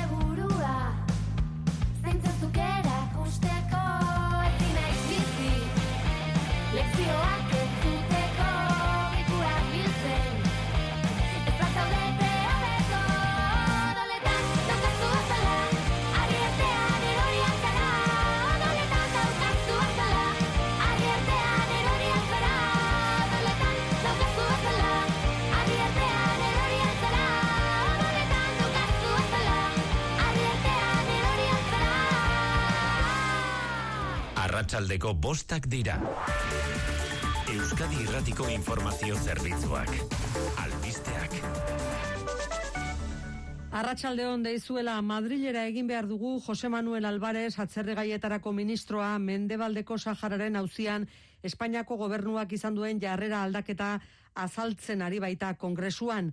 Etapa berri baten hasiera hitz egin du Madril Izarobaza Arratsaldeon. Arratsaldean hori da Jose Manuel Alvarez atzerri ministroak Maroko eta Espainiaren arteko harreman berriaren berri ematen ari da orain bertan kongresuan. Aro berri honi hasiera ematea ezinbestekotzat jo du premiazkoa bi herrialdeen arteko ekonomia eta migrazio harremanak mantentzeko. Horiek dira zuzen harreman berriaren atzean dauden bi zutabeak Alvarezen hitzetan. Ekonomia eta migrazioa tentzioarekin amaitzea zen helburua. Era imperativo poner fin a esta situación de tensión y de falta de comunicación que solo podía gatazkarik ez egoteko Sahararen auziaren inguruan Alvarezek hainbat aldiz errepikatu du bi alderdien artean adostutako konponbide bat bilatu behar dela. Espainiaren parte hartzea gainera ezinbestekotzat jo du gatazkaren konponbiderako. Apirilaren batean rabatera bideiatuko duela iragarri du gainera Alvarezek Maroko eta Espainiaren arteko ibilbide horrian lan egiteko Azalpenak ematen jarraitzen du, oraindik ere hasi berria delako agerraldi hori, eta ordu honetan, arratsaldeko bostetan da, Luis Planas arrantzu ministroa, estatuko arrantzu sektoreko ordezkariekin biltzekoa. Gasolioaren garestitzari aurre egiteko diru laguntzak nahi ditu sektoreak. Bajurako Euskal Arrantzalek nola nahi erabaki dute, astelener arte behintzatez itxasoratzea mertxe etxe berria. Gasoilaren garestitzea lehuntzeko gobernuak zer proposatzen duen jakin nahi dute arrantzaleek, baina eurentzat eragozpen nagusia garraio greba dela ikusirik astelenera arte portuan geratzea erabaki dute. Emeterio urresti getariko kofradiako presidentea. Gure arazoa etzan, e, gure geldiketa gazoien prezio batik, baizik transportia ez ginen jaulako akela e, arraio komerzializatzeko. Aurra ikusten diara, bezala guaine aurra eguteko moguan, da ez gateko arte. Joan den astelenetik daude geldi, Gipuzkoa eta Bizkaiako ingurak eta untziak antxoaren kanpaina betean. Garraiolarien ordezkariak bihar elkartuko dira Madrilen gobernuarekin, bileran akordionen baldortuta ere iruk jakinerazi du Euskal Kamiolariek ez dutela lanuztea etengo ez dela erregaien garestitzea aurre egiteko neurriak beraien eskari bakarra. Iruk ordezkariak gaur elkartu dira jaurlaritzarekin protestak lakuara eraman dituztela eta. Pedro Marco Sailburu ordearekin izandako bileran, honek itzeman die iruko kidei sektorearen eskariak aztertzeko negoziaketa maila osatuko dutela eta foru aldundiak ere batuko direla elkarrezketetara. Momentu zalere, grebak aurrera jarraitzen du eta ondorioak areagotzen ari dira. Adegi Gipuzkoako enpresen elkarteak adirazi du jada enpresa asko larrialdi eta alarma egoeran daudela eta Gipuzkoako enpresen euneko hogeita bik esan diotela astebete edo gutxiagora eten beharko dutela beraien jarduna. Gaur eten dute ikoizpena kafek eta ArcelorMittalek bergarako lantegia. Eta lanuzteak baino protestak oraingo honetan osasun publikoaren alde Ego Euskal Herriko hainbat plataformek antolatu dituztenak. Apirilaren bi eta iruan, osasun sistema publiko, unibertsital eta kalitatezkoaren alde aterako dira Ego Euskal Herrian, esan bezala osasun sistema publikoaren alde. Lehen mailako harretan antzematen diren arazoak, langile eta baliabide faltagatik arago osasun sistema publikoaren degradazioagatik dela uste dute. Eta bizirik dauden euskal artisten arte garaikide erosteko berriz, beste berreun mila euro bideratuko ditu aurten eusko jaurlaritzak. Bilboko Arte Derre Museoan, Arti Museoaren eta Tabakaleraren bilduma partekatua osatzea helburu du diru laguntza honek, bingen zupiria zailburua. Euskaraz deitzen diote kolekzio partekatua. 2008an sortu zen proposamen hau. Momentu jakin batean, kultura berrera iki behar genuen, eta pentsatu genuen, bizirik zeuden artista gaztei laguntzeko eta diru sarrera bat bermatzeko modu bat zala, erakunde hauen bitartez, beraien obra erostea. Programa sortu zen urte hartarako, baino hogeita batean jarraitzen zuen pandemiaren eraginak, eta erabaki genuen beste urte betez luzatzea, Aipamen bat kulturan, loraldiari, poesia eta musika izango direlako protagonista gaur, Belarrostoa Walt Whitman izenburua duen kontzertu errezitaldia izango da, eta ikuskizun hori bide barri eta liburutegien izango da arratsaldeko zazpietan. Eguraldian, e, urdinguneak nagusi parpartean, Nafarroan lainoak estalita oraindik ere zeruak, eta izea baretzen bihar antzera hasiko da eguna edo abiatuko dugu biharko eguna. Errepidetan ez da aparteko goraberarik segurtasun sailetik adirazi digutenez. Bostak eta bost minutu ditugu, seietan itzuliko gara albiste gehiagorekin eta tartean badakizu informazioa eskura nahi baduzue eitb.eusatarira jo dezakezuela. Gero arte. EITB. Zure komunikazio taldea. Euskal Herria Irratia.eus. Iruñerria entzun, ikusi, gozatu.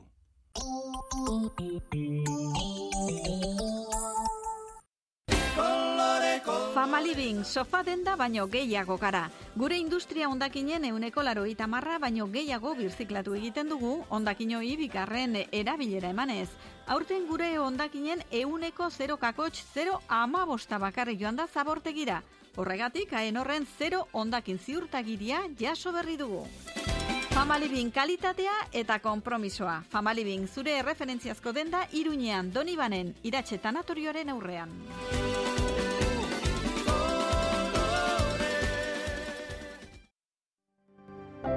Gero eta gertuago gaude rural kutxan. Garrantzitsua da elkarrekin azten eta aurrera egiten jarraitzea. Amets egiteari ez usteko, betikoak izaten jarraitzen dugu. Horregatik, gertu egotea gustatzen zaigu. Beti. Kaikuko kooperatiba. Gertutasuna, etxetik edo ustiategitik bertatik ekoizle guztien esnea jasotzen da, txikiak naiz handiak izan. Kaiku kooperatiba gara. Zure enpresa digitalki eraldatu behar baduzu telelanera edo lau puntu zero industriara egokitzeko jabiserren lagundu zaitzakegu. Zure sistema informatikoa mantentzen dugu. Neurrira egindako aplikazioak eta web urriak garatzen ditugu. Lantaldeak prestatzen ditugu ikate tresnak eta aplikazioak erabiltzeko. Jabiser, bederatzi lau zortzi, zortzi bost zero, bat lau bost. Zehaztu dezagun nola lagundu zaitzakegun.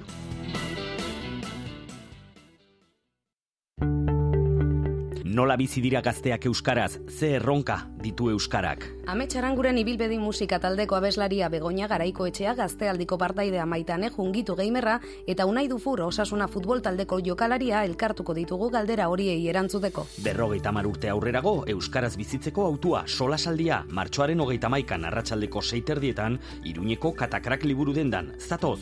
Eluiar berrogeita mar urte aurrerago.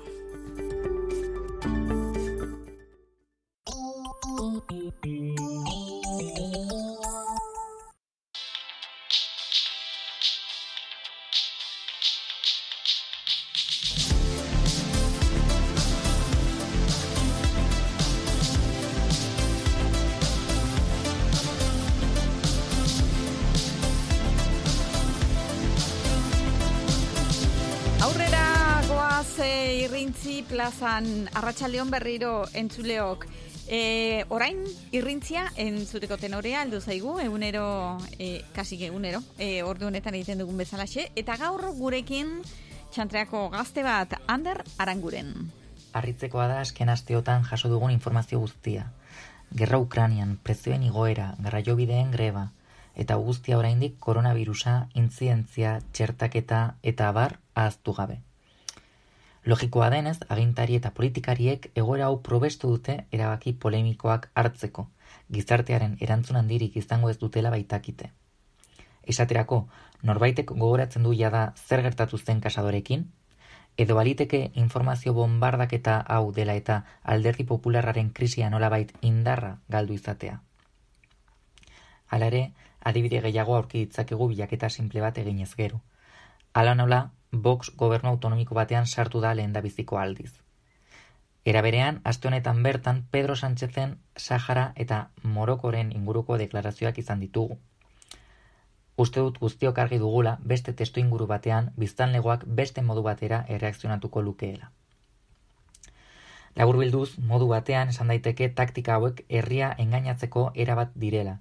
Izan ere, zaila da arazo guzti hauen aurka egitea modu eraginkor batean, eta agintariek hori badakite. Horregatik, gogorra bada ere, guztiok batu barko ginateke, gure inguruan gertatzen den guztiaz ohartzeko eta bidegabekeria hauen aurka borrokatzeko. Behatzi zortzi iru Euskal Herria irratia irean da. Broken Brothers ibai ertzean. Ba ba ba bai ba. Hogeita maikatik mundura Hogeita maikatik mundura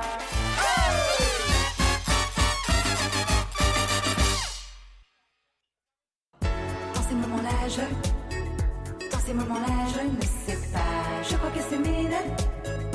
Je crois que c'est ne suffit pas. Dans ces moments-là, je. Dans ces moments-là, je ne sais pas. Je crois que c'est. Je crois que c'est ne suffit pas.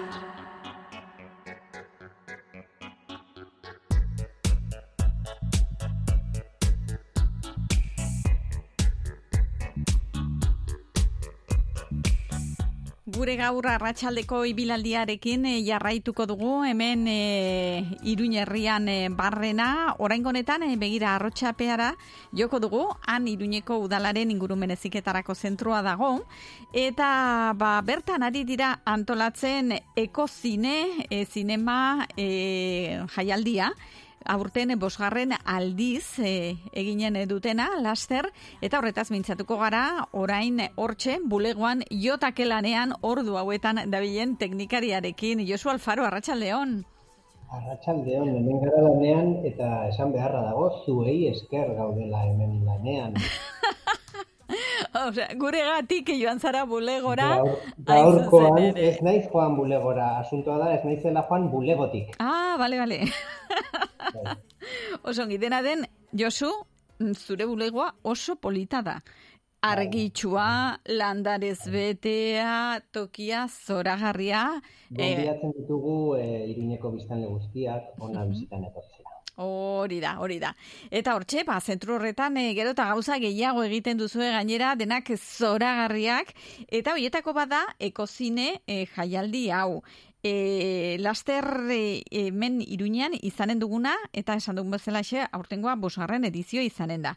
Azteko, Josu, ekozinema jaialdi hau, zer da, nola sortu zen? Bueno, ba, egia esan da, orain dela bost urte, udalak sortu zuen ingurumen eta landaldea, eta orduan sortu zitzaigun guri irriki hau nahi edo desio hau, ba, zinemaldiei bat antolatzea ingurumena lantzen duena. Eta ikusi genuen Zaragozan bazegoela halako bat, hemen gertuko hiri batean, eta pentsatu genuen naizu, ba, behin eta berriro erraten dugu berrera bili behar dugula, ba, guk sortu beharrean geurea, berrera bil dezagun eta mm, sor dezagun eh, nolabaiteko aliantza bat edo sinergia hain modan dagoen eh, hitz hori. Eta elkartu ginen Zaragozako ekozinerekin eta eta orduan, bueno, ikusi genuen kolaborazioa posible zela eta hemen dugu, ba, bosgarren urtez, eh, zinemaldi hau internazionala dena, mundu osoko lanak biltzen ditugu eta bi atal ekartzen ditugu ona iruñera. Eh, atal gaztea, e, eta gero guk hemen e, sekzio edo atal ofiziala ditzen duguna. Orain, deialdi irekia dago gazte atalerako. Hori da.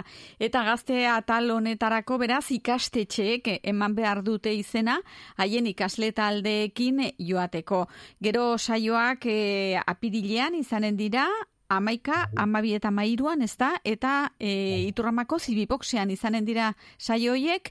E, beraz, e, ze ikastetxe daude e, deituak e, ekimen honetan e, parte hartzera, ze adineko ikasleentzako gonbitea da? Bigarren hezkuntzako ikasleentzako e, laburmetraiak dira, e, sei saio ditugu guztira, jadanik baditugu bederatzireun ikasle baino gehiago, baina plaza geratzen dira, han e, ba, neko saloi handia dutelako, eta, eta hori bigarren hezkuntza Iruñerriko edo Nafarroa osokoak etor daitezke ona, bai? Eta, eta hori da egiten dugun gonbitea, erreserba egiteko, oberena da telefonoz deitzea gure bulegora, bederatzi lau sortzi, e, lau bizero, bederatzi sortzi lau zenbakira. Uhum. Horixe, bederatzi diun bat ja hor daude e, izena eman da, baino zenbat ikaslerentzako tokia dago saioietan? Ba, ex, Excela begiratuko dut orain bertan, ba, beste irurogeita masei, gehi, gehi, gehi, gehi, gehi, ba, berreunda berrogeita mar lagun gehiago sartzen dira. Primeran. Eskerrak ez dela hemen nuela, eh, Ruiz, bestela zarrapatzen duzu. Bai, bai, bai. bai, Berreunda berrogeita mar ikasle gehiago sartzen aldira. Horixe. Aizu, eta saioak e, no, nola antolatzen dira horre ba hizkuntzen e, inguruan? Bai. Hau da, azpitituluak Ba, izanen dira? Gaztelerako eta euskarazko saioak eskaintzen ditugu, e, guztira sei saio dira, beraz, baditugu ja da jarrita e, euskarazko saioak dira, ba, azkenean bi saioak, amarretan eta amabietan, bai? Eta gero asteazkenean bada beste saio bat e, amarretan euskarazko hiru saio horiek eta gainontzeko hiruak gaztelerakoak. Aha. Eta euskeraz eh, eskintzen dena, zer da? E, laburmetraia bera, azpitituluak, edo gero e, e, horren inguruan egiten diren sola saldiak eta? Bueno, ba, alde batetik, e, laburmetraiak berdinak dira, e, euskarazko eta gaztelerako saioetan, e, ba, atzerritarrak direnak, bai, azpi tituluak jartzen ditugula euskaraz, eta azkenean erabaki genuen gazteleraz diren horietan, azpititulorik ez jartzea. Ze pentsatzen dugu jendeak ulertzen dituela eta despistatu egiten gaituztela lagundu baino gehiago. Eta gero, e, laburmetraiak ikusteaz gain, dinamizazio labur bat egiten dugu, hori euskaraz egiten dugu, noski, euskarazko saio horretan, eta galdetu egiten diegu eta e, ikasleei, hori nolabait sortu nahi dugu elkarrizketa pixka bat guk txapa eman baino gehiago. Bai? Eta gero garrantzitsua da, atal honetan, e, Zaragoza eta Iruñerriko edo Nafarroako ikasleen artean bozkatu egiten dutela, eta erabakitzen dutela zein den e, urte bakoitzeko laburmetra irabazlea gazte atalean. Bai, orduan bosketa eginen dute, udalak dituen e, urna elektoral horietako lau, lau urnatan, eta eta hortik aterako da irabazlea. Mhm. Aizu, eta da, ze gaiak eh, jorratuko dira, e, ba, fel, filme Ba, laburra hauetan? Bai. Ba, bitxia da, aurtengo edizio honetan, e, ba, sei, sei laburmetrai e, proiektatuko ditugu, eta bitxia da nolabait agertu dela, ba hori, mundu osokoak dira, Frantzia, Errusia, Alemania, eta gero badago pues, bat eh, Bangladeseko irudiak dituena, beste bat eh, Argelia, pentsatzen zu, errefusiatu, Saharako errefusiatuen eh, kanpamentuetan filmatutako bat, bada ere, eta hain ezberdinak izan da begira da horiek, ba, nolabait agertzen da behin eta berriro bakardadea e, individualismoa eta baita ere pixka bat ies egiteko beharra edo, edo batzuetan e, nahia, bai? E, ba, ies egingo dugu pantailaren bitartez ilardira joango gara, bai? Minutu batzuk ilardian pasatuko ditugu eta baita ere ba, ba ez dakit Europa iparraldeko baso batean izkutatuko gara, eta hori izkutatu beharraren eta eskapatu beharraren eh, behar hori somatzen da hainbat artistek sortutako lanetan eta mundu osotik e, etortzen zaizkigunak. Eta baita ere, ba, igual arruntagoak diran e, gaiak, azken urteetan, adibidez, ba, plastikoak ozeanoetan, eta hor bada labur metrai bat, ba, proposamen interesgarri batekin, ze honetan pasatu egiten gara, nola baiteko, ezakit, oso enfokatuta egoten hori gara problemetan, eta kasu honetan e, soluzio edara ematen du aurrera pausua labur metrai hori. Oso interesgarria hori beraz, e, hoien guztiak ikusteko aukera izanen dute, ba, ekimen honetan parte hartzen duten e, gazte hoiek, e, apirilaren amaika, amabi eta mairuan, eta gero ja, ba, publiko orokorraren e, beste e, aukera bat izanen da aurrerantzean, noiz izanen da gutxi gora bera? Bai, e, hori beste atal hori guk e, ba, eko zine ofiziala ditzen duguna, golem zinemetan egiten dugu, baina etorbidean, eta hori maiatzan izanen da. Aurrera ja, edo primizia moduan, erran dezakegu, ba, hori amasei, maiatzaren amaseitik emeretzira bitarte, astelenetik ostegunera izanen dela, eta jadanik, hau bai dela, primizia, erabaki ditugula, zeintzuk izango diren, ikusiko ditugun lau dokumentalak, bai? Eta, bueno, pues batean, lehenengoan astelenean joko dugu Kongora, bai? E, aste artean joango gara, egia esan da, bueno, hasiko gara Txinan, eta gero Brasilera joanen gara, e, Holanda bizitatuko dugu, e, baita ere, hori dokumental bakar batean, eta eta asteazkenean bai egingo dugula jauzi jauzi potolo bat, joango gara kasi e, gure antipodas e, hoietara eta eta Australia, Nova Zelanda inguruko Borneo, barkatu, Borneo inguruko irla batera joanen gara. Primera. Bugambil, ez dakit ezagutzen duzun, Pues, Bugambil. Eta, et, et, Josu, eta onaino irakur dezaket, ez da? Momentu hau dena utziko dugulako e, Venga. urrengo elkarrizketa baterako, Horixe, ze horixe. e, horretarako ba indikan denbora pixkata falta baita, ez da? Maiatzaren erdialdean izanen da. Orain geldituko gara ongiri ditzen bazaizu, ba deialdi horrekin, ez da? Egun hauetan zabalik dagoela izena mateko EPA, e, Bigarren gazte hezkuntza, atalean. bachillergoa, hori da. moduloak eta bar, gonbidatu zarabia. Primeran, ba, Josu Alfaro, benetan eskerrik asko gurean izateagatik, e, sentitzen dugu e, zure lan jarduna luzatu izan beharra ba, gure erruagatik, eta eta hurrengor arte izanen da. Mil esker, agur! Esker mila, gero arte, agur. Irrintzi plaza. Arratsaldero irrintzi dorretik mundura.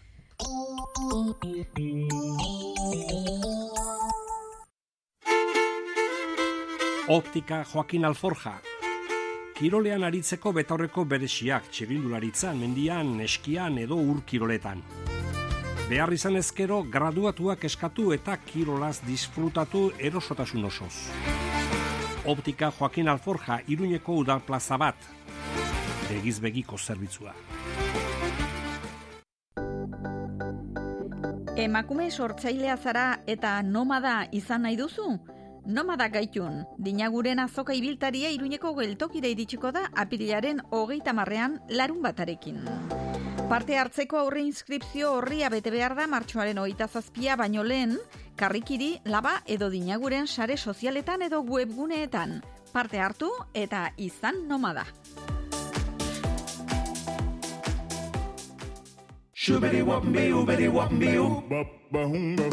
Sukaldean sartzen zaren bakoitzean laro gehigarren amarkadara itzultzen zara? Sukaldeko distribuzioa deserosoa egiten zaizu?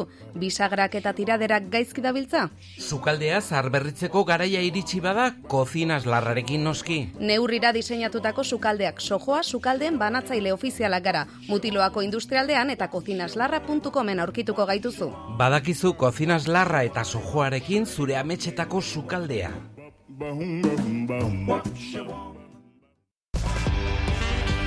Irurteren ondoren bueltan da Doktor Deseo maketoen iraultzarekin. Martxoaren hogeita zeian tote maretoan izango da Francis bere taldearekin ez galdu aukera. Sarrerak salgai salatoten.comen. Iluntzero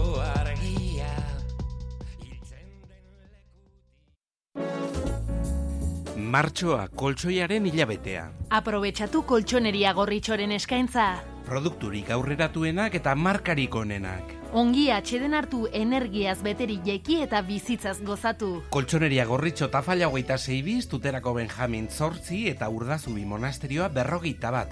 Koltsoneria gorritxo. Bizi atxedena. Colchonería gorrito Vive el descanso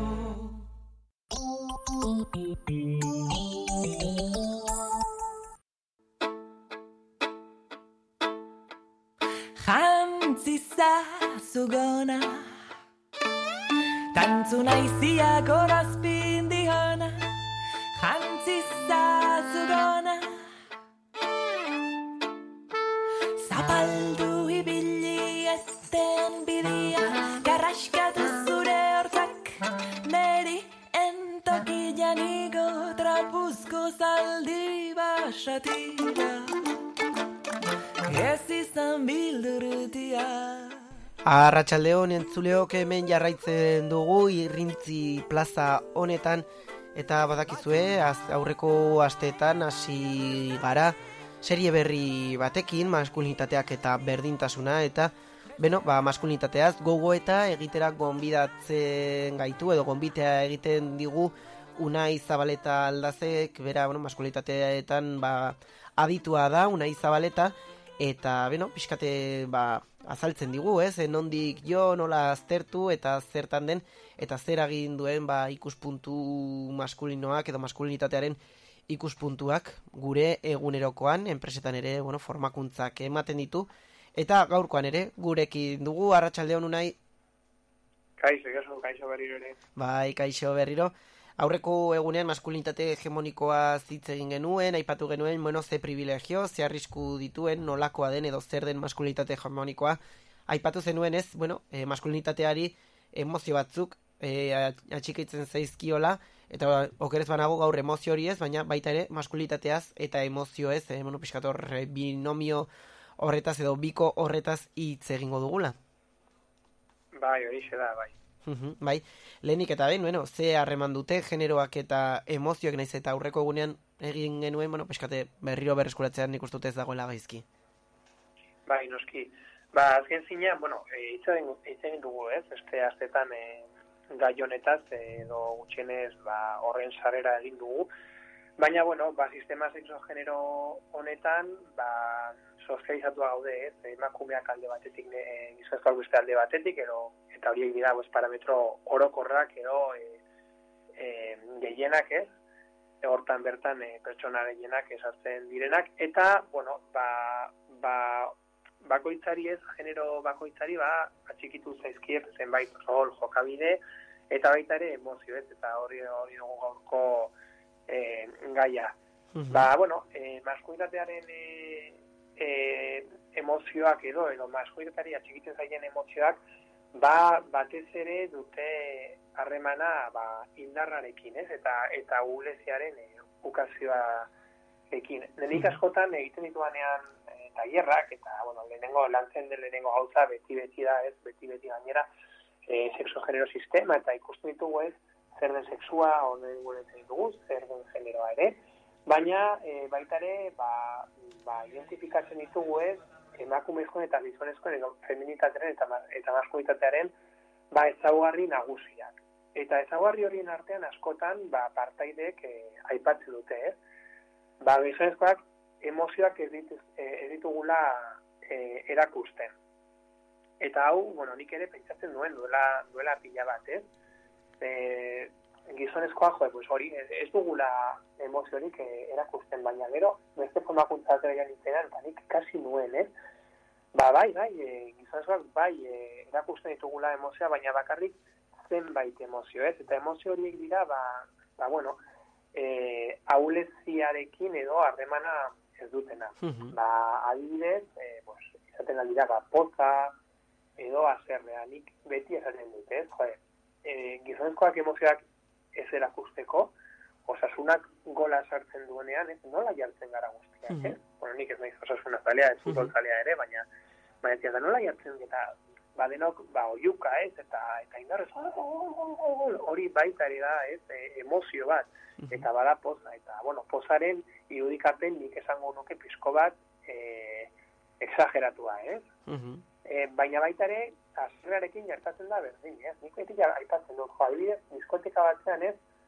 E, beste, beste tipo bate, batekin txokatzen zarenean, orokoran zein da, ba, ba erantzuna, ez? E, barkatu, esaten altu barkatu, baina ikusi, ikusiko duzu, ez? Ere, estan sartzen, eratzeatzen bazara, ez? Ikusiko duzu, ez? Nola bronka. E, ba, azten da, ba, konflikto horretatik, ez? Eta hori bada ere, azerrearen e, irudikapen exageratua orduan.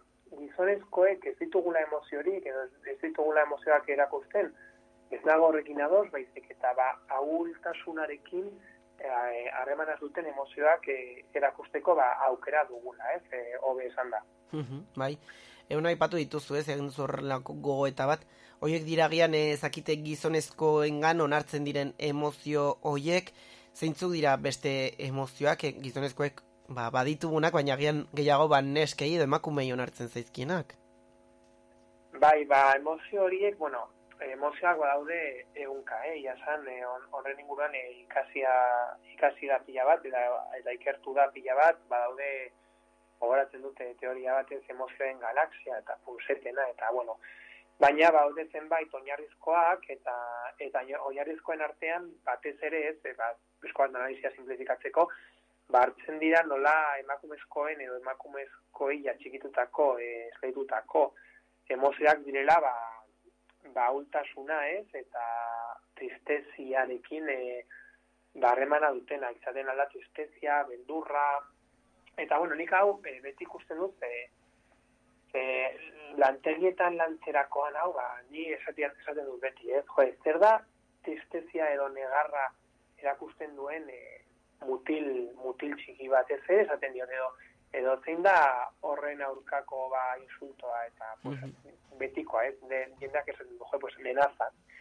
Eta nik horretan analizian egitean, ba, ba nik ez du beti, jo, eta zer da lenaza izatea? Mm -hmm. Lenaza izatea, bada neska izatea, ez? E, badakigu, primeran eta ja txikitatik ez negarra egiten baduzu erizara, ba, tristezia, beldurra, ahultasuna erakusten, eta eta unezia horren e, erakusketa edo ba, dagokie emakumeei, ez gizonezkoei, ez?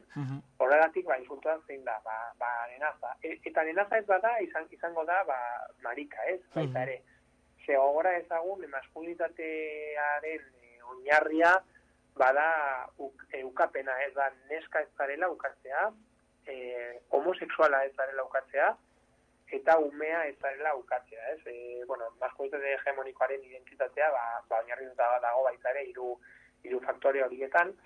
Orduan horiek dira, ez? E, gizonezkoek edo ba, erakus, erakutsi edo sentitu ere ezin ditugun emozioak eta honek badakar ba, ba, sekulako ondorioa gure identitatean eta baita ere gure osasun emozionalean. Bai. Eta beno aipatu zu ez, ez baina ze harreman e, dauka hori generoak ahultasuna erakusteak eta indarrak e, emozioekin. Ba, azken zinean, ba, badu, badu pila bat, ez, e, harreman, ze pentsazazu, e, gure biztanleriaren erdiak badu onartuta zenbait emozio eta besteak beste, beste zenbait emozio. Ez, maskunitatean e, zentratzen bagara, ba, joe, horrek badu harreman oso oso garrantzitsua gure ba, mundua ikusteko moduarekin eta baita ere esan dudanez gure osasunarekin ze e, horrelako bueno, emozioak ez dira ez txarrak ez onak, ez? Emozioak beharrezkoak dira, e, emozioak denok sentitzen ditugu, ez? Eta eta baita ere badirazteko eskubidea edo edo askatasuna izan beharko genuke orduan. Ba, claro, maskulitatean oinarritutako identitate honetan, ez? Ba, zure aulezioa e, emozioen bidez erakusten baduzu, ba, maia soziala, ba, ba geisten, geisten dizu, ez? Horrek maia, maia soziala. Gazteraina, esaten dugu beti rango, ez? Rango, mm. eh, te baja el rango, eh, nola, eh, nola beteko. Zertzen zinean, ba, lesan dudan, ez, maskultaten hegemonikoa oso baskertzailea da, ez, eh, ditzen genuen, honen eh, aurreko saioan, aurreko mm astean, eta e, ba, zuk ere esan zenuen, ez, nola, gizonezko batzuk ere baztertzen dituela maskultate hegemoniko hori, eta ze nolako gizonezkoak baztertzen ditu, ba, ba indartxuak ez direnak eta urezia dirazten dutenak. Horregatik, ba, maila soziala ere jaisten da, ez, edo jaisten zaizu, ba, auleziarekin harremana duten emozioak erakusten dituzun e, enean, joan, ni badaukat beti, e, nire uniko zagustuko dute, adibide pertsonalak jartzea, eta gogoratzen dut nire neskalagunarekin nengoela Mallorcan eta geunden kala batean eta bat zegoen salto bat, ez, e, itxasora dakit izango zen, ba, bos, sei metrokoa, eta, bueno, pues ni beldurrez ez, ez, nuen salto egin, ez, nahi nuen salto egin, baina, joe, esperientza polita izango da, baina beldurrez ezin nuen, eta bandengoeno saltatzeko, eta eta ez esan nuen, ez, eta goratzen dut, kuadrilla bat, ba, ba ondoan zegoela, parrezka zizela, ez, eta neskalaguna, e, ez, ez saltatzerakoan, ba, ez zen egon, egon inongo farrik, ez? Mm -hmm. e, esan nuen, joe. Eta hau bakarrik gizonezkoa izateagatik, orduan, ikusten da ez nola maia sozial hori, ba, ba jaisten da, orduan, badu harreman e, oso handia, ez? Generoa, untasuna, indarra, e, emozioen erakusketa, gure, gure maila soziala ere, ba, badu, badu harremana bai. Mm bai ba, maskulinitatea eta emozioak landu ditugu gaurkoan ez dakit zerbait gehiago daukazun gehitzeko unai, ala ja urrengo astere arte izan, izango den? Bai, bueno, emozioen, ja bukatzeko, ez, emozioen e, kontu honekin nik beti esaten dut, ez, e, askotan badugula e, bidezari bat, ez, orbaintzeko gure, bueno, gizon, gizonok, baina baitere baitugu zenbait privilegio, ez, nik ez dugu, e, haulezia erakusterakoan, bidezari hori maskulitatearen, maskulitate hegemonikoa baztertze hori ordaindu beharra dugu, baina baita ere badugu privilegio bat nik ikusten ikusi dudana ez azkeneko urteotan baita ere ba pertsonalki ez e, e, adibide pertsonalera jotzean ba oraintxe bertan nire nik ikusten du nire burua asko ere bueno e, almen handiagoarekin ba ba edozein emozio edo erakusteko publikoan ta Ahorita, ikusten dudana da, orain, ba, pila balien da, ezten diala, ez, joe, mira que hombre más majo, no, que puede llorar delante de la gente, joder, no, es que, hori baitare, privilegio bat izan behar da, hori baitare zerbait ona izan behar da, joder, pues, uh -huh. pues bada zerbait normala, ez, orduan, baitare kontuan izan behar dugula askotan, ba, bai, e, bate, e, alde batetik, maskoitate hegemoniko horretaz, baztertzen garenean, bidezari bat, ordaindu behar dugula, baina baitare, orain, zenbait sektore sozialekin, ba, ba hori, ere, badiru diela, privilegio bat, gehiago dugula, ez, edo zerbait ongi egiten e, ari garela, duan, bueno, gauzerketa hori ekartzeko, ba, ekarri nahi nuen, eta, bueno, garrantzitsua iruditzen zaidalako ere. bai, ba, unai zabaleta aldaz, eskerrik asko gaurkoan, esan bezala maskulinitatea eta emozioak lotu edo, bueno, bi bi kontuen arteko ez e, zera ba, azterketa egiteagatik bien edo maskulinitatearen e, maskulinitateari atxikitzen zaizkion emozioiek aztertzeagatik zer gertatzen den bueno, bestelako emozioak erakusten ditugunean gizonezkoek eta hurrengo astera arte. Vale, bueno, pues yo soy ikusiko gara bai. Eskerrik asko zuei. Euskal Herria Irratia puntu eus. Iruñerria entzun, ikusi, gozatu.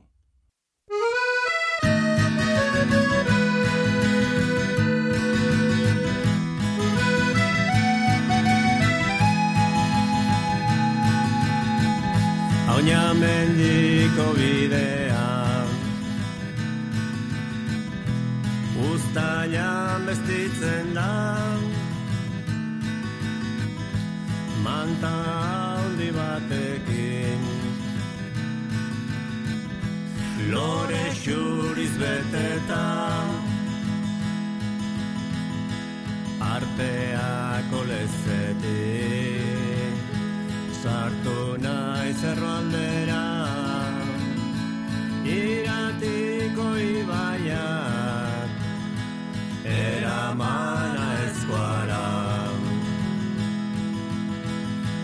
zara itzun badago zagutik ibiurria erronka dira doa zure gaznategira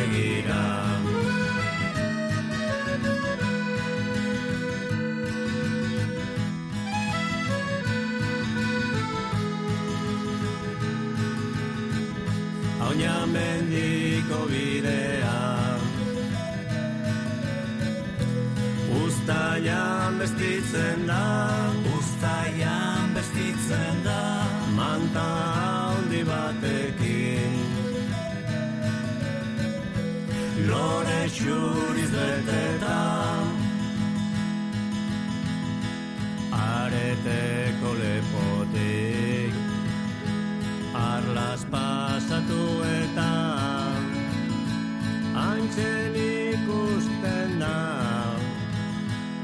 Auña mendi maitea. Egunez margotzen da. Eguzkita lanoekin Gaua etortzen denean Ilargita izarrekin. Auña mendiko bidea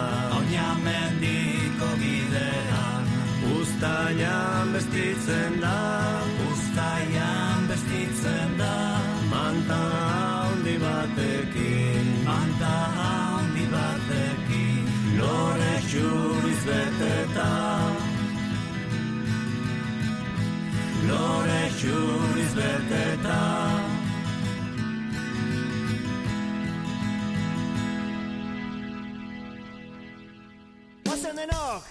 eman bide Euskal Herria irratiare! Euskal Herria irratia Inkestagile galdetzen badizute, esan ozenki Euskal Herria irratia entzuten dut eta arronago. Egin dezazun bidea Irrintzi mirrintzi lehiaketa.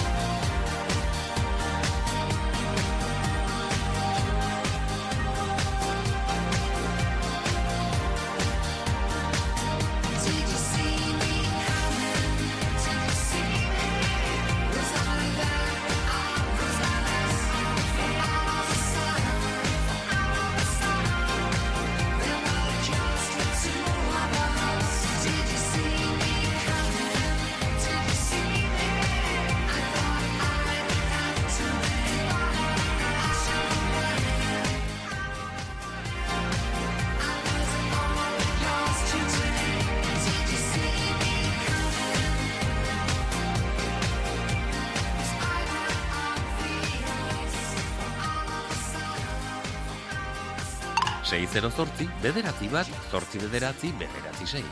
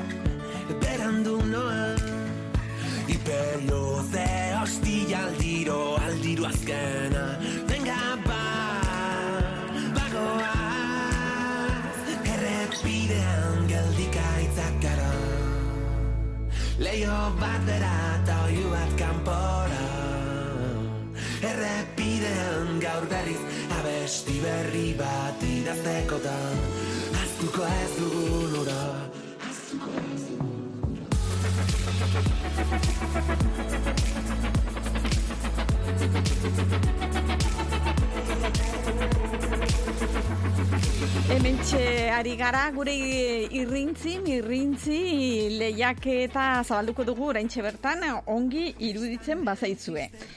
Eta hemen ba sariak izanen ditugu noski aste oro bezalaxe eta esate baterako hemen ari naiz begiratzen heldu den asteko irrizikloko eh, lanerako, antzeslanerako, sarrera bikoitza izanen dugu.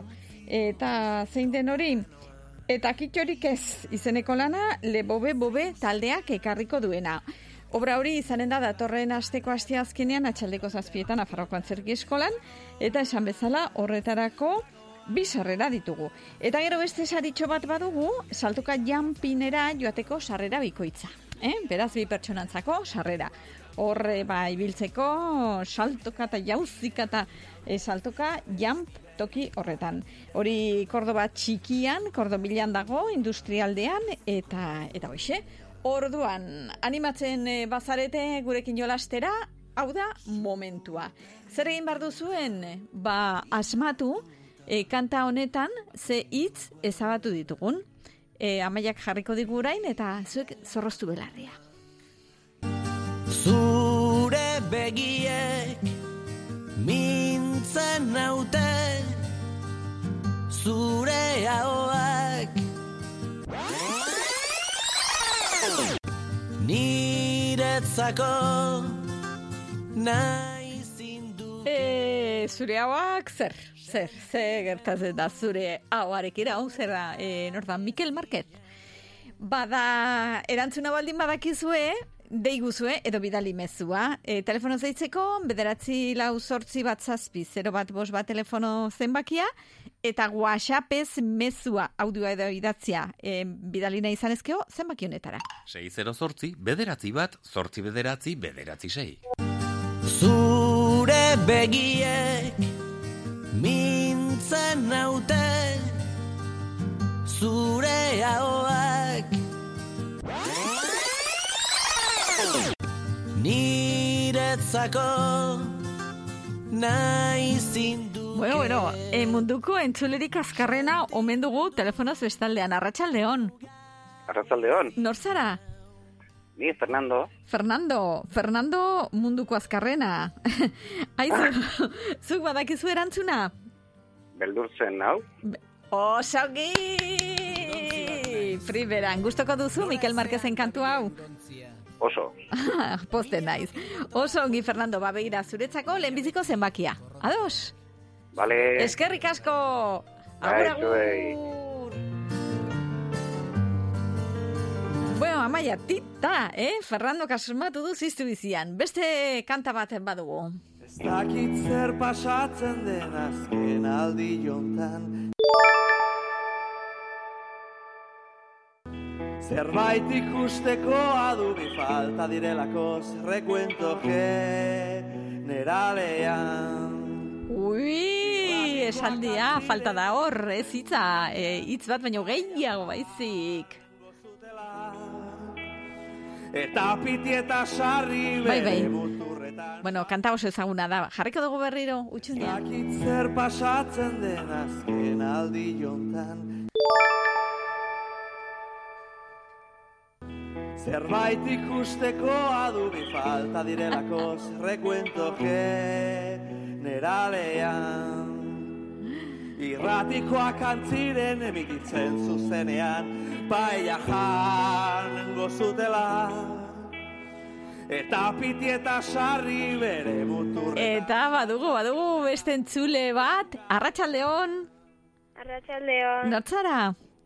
Ame. Amets. Amets, eta zuk bakizu zer jan dugun kanta horretan? Ez ba. Zer? Bai. Ah, eta ze, zer, eh, ze hitzak falta dira hor? Jendea hasi dela dantzatzen kaletan. Wow! Oso ongi, eta zuk eh, badakizu kanta hau, sarriren kanta hau? Bai. Bai, oso ongi amets, oso ongi egin duzu. Aizu, ba, zuretzat bigarren zenbakia, ados? Ados. Eskerrik asko ditziagatik. Agur! Agur. Aia dugu sortzea Doiu gogozagori E, sarri etortzeko da iruñera. Noiz, e, maiatzean edo ikusi dut hor nonbait, poema errezitaldia, musikarekin batera, zakito Ineso Sinaga ezote zen, eta biak etorriko direla, baina bueno, eh, hitz eginen dugu horretaz. Beira ze aukera, eh? E, sarri ezagutzeko. Aizue, beste, beste kanta badugu, amaia? Venga.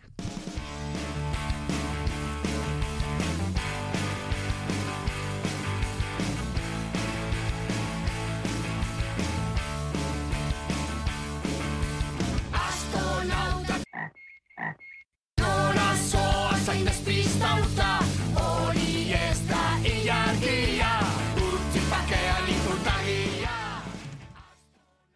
6 zortzi, bederatzi bat, zortzi bederatzi, bederatzi sei.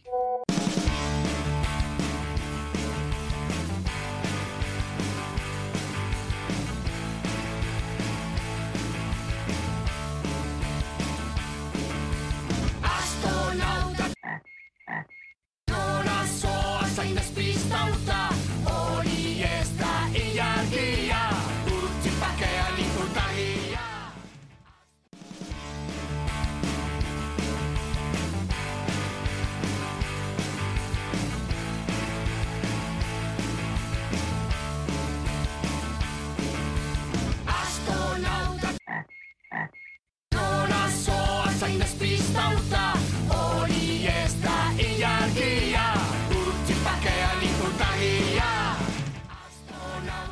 E, ene kantak taldearen e, kantu honetan ez e, falta ote da.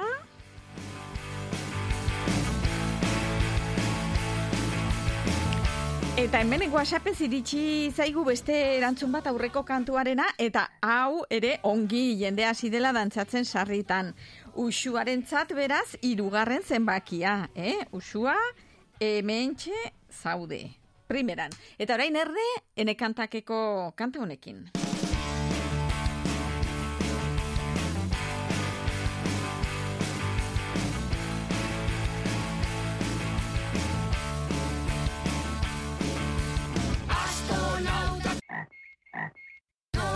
Zoa zain despistauta. Hori ez da ilargia Urtzi pakean iturtagia Astronauta 6 zortzi, bederatzi bat, zortzi bederatzi, bederatzi sei.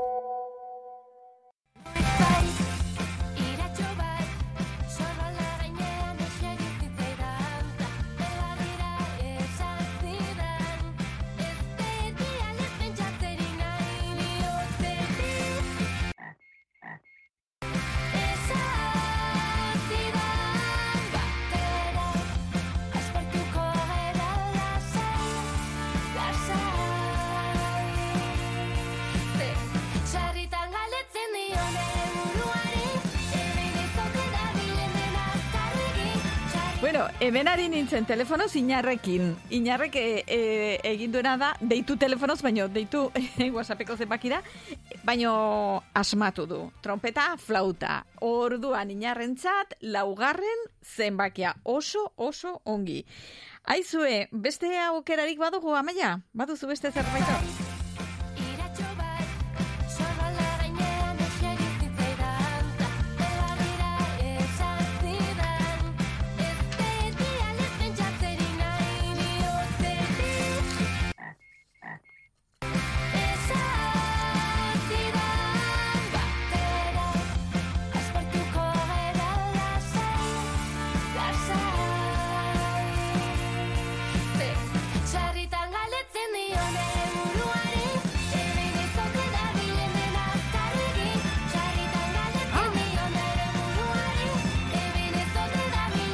Eta beste entzule bat bageduen hor, arratsaldeon.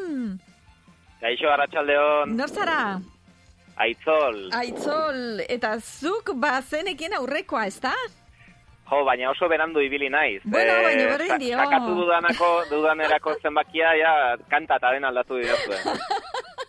Azkarra ibili behar da, eh, Aitzol. Claro, Bai, bai, oso loko- motel, oso motel. Lokuluskaren ordu honetan, gehiago ezin da, ezin da eskatu. Dena den, zuk bazenekien, ez da, erantzuna. Nola zen? Eh, uste dut, uste dut. Eta zein zen? A- a- astronauta, trompeta, flauta. Hori da, hori da. Eta egia alda, e, izugarri gustatzen zaizula kanta hau eta egunero, egunero e, entzuten duzula? E, ba, izugarri, izugarri, Primera. ba, bakizut ze martxa daukan. Gainera horre drogaz eta horra besten tala, bai, bai. Bai, bai, bai. Oso, ongi, oso. Aizu, aitzol, zuretzako bosgarren zenbakia, eh? Asmatu duzulako, oso ongi. Eskerrik asko deitzegatik, agur! Aio.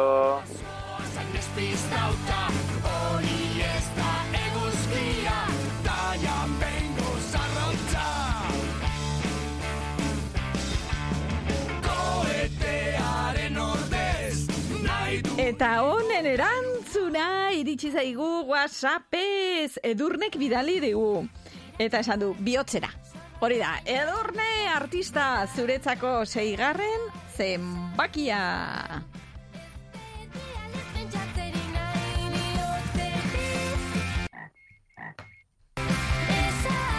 Haizu ja, egin barko dugu zozketa, ze ja, e, zenbaki, zenbaki banatu dugu, sei zenbaki banatu ditugu, tita, tita, tita, tita, eta hemen ja denak apuntatu ditugu. Orduan amaia, eginen dugu ja zozketa, bestela geldituko gara mm, denborari gabe. Oso gustorare gara, eh, zuekin jolasian, badakizue, primeran pasatzen dugula. Amaia, nor bidaliko dugu, nor bidaliko dugu, e, saltoka janpera e, jarriko ditut hemen zenbakiak lerro batean, batetik zeira esan zenbaki bat favorez. Batetik seira, seia. Seia, azkeneko postuan, begira, azkeneko postuan azkena zegoen. Seia, edurne, edurne, saltoka janpera. Eta orain, jakinen dugu, nor joanen den antzerkira datorren astean. Zenbaki bat batetik bostera, mesedez. Bosta. Bosta, laugarren zenbakia, inar. Inar beraz, antzerkira irriziklora datorren astean. Ongi duitzen bazaizue. Eta begira, orain bertan bidali digute beste, mm, beste mezu bat, e, joan den astean, gaurko antzerki obrarako sarrerak irabazi zituena ezin da joan. Eta esan digu, mesedez, oskatu berriro sarrerak. Beraz, gaurko irriziklorako sarrerak ere baditugu. Esan zenbaki bat batetik laura. Bata. Bata. Eta batean dago bigarrena. Amets, nahi alduzu gaur antzerkira joan? Beraz, e, ba hoixe, orain bertan jarriko gara harremanetan entzule hauekin guziekin, eta beria ongi datozkien, e, ba, ola sarrerak modu honetara banatzea. Eta izue, guzti hoi eskerrik asko deitzeagatik, eh? Gu, bakizue, oso, oso, oso gustora. Aritzen garela zuekin beti, e, lehiaketetan eta solasian. Sarritan galetzen dio nere buruari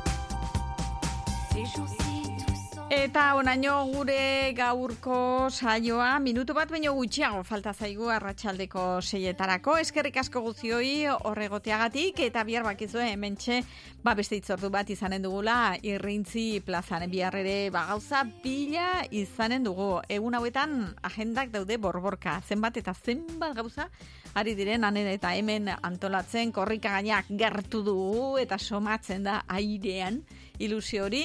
Bada hoietaz guztietaz eta gauza gehiago eta ere mintzatuko gara onbidean. Biharko saioan gonbidatuta zaudete guzti guztiok, eh? Mil esker, agur.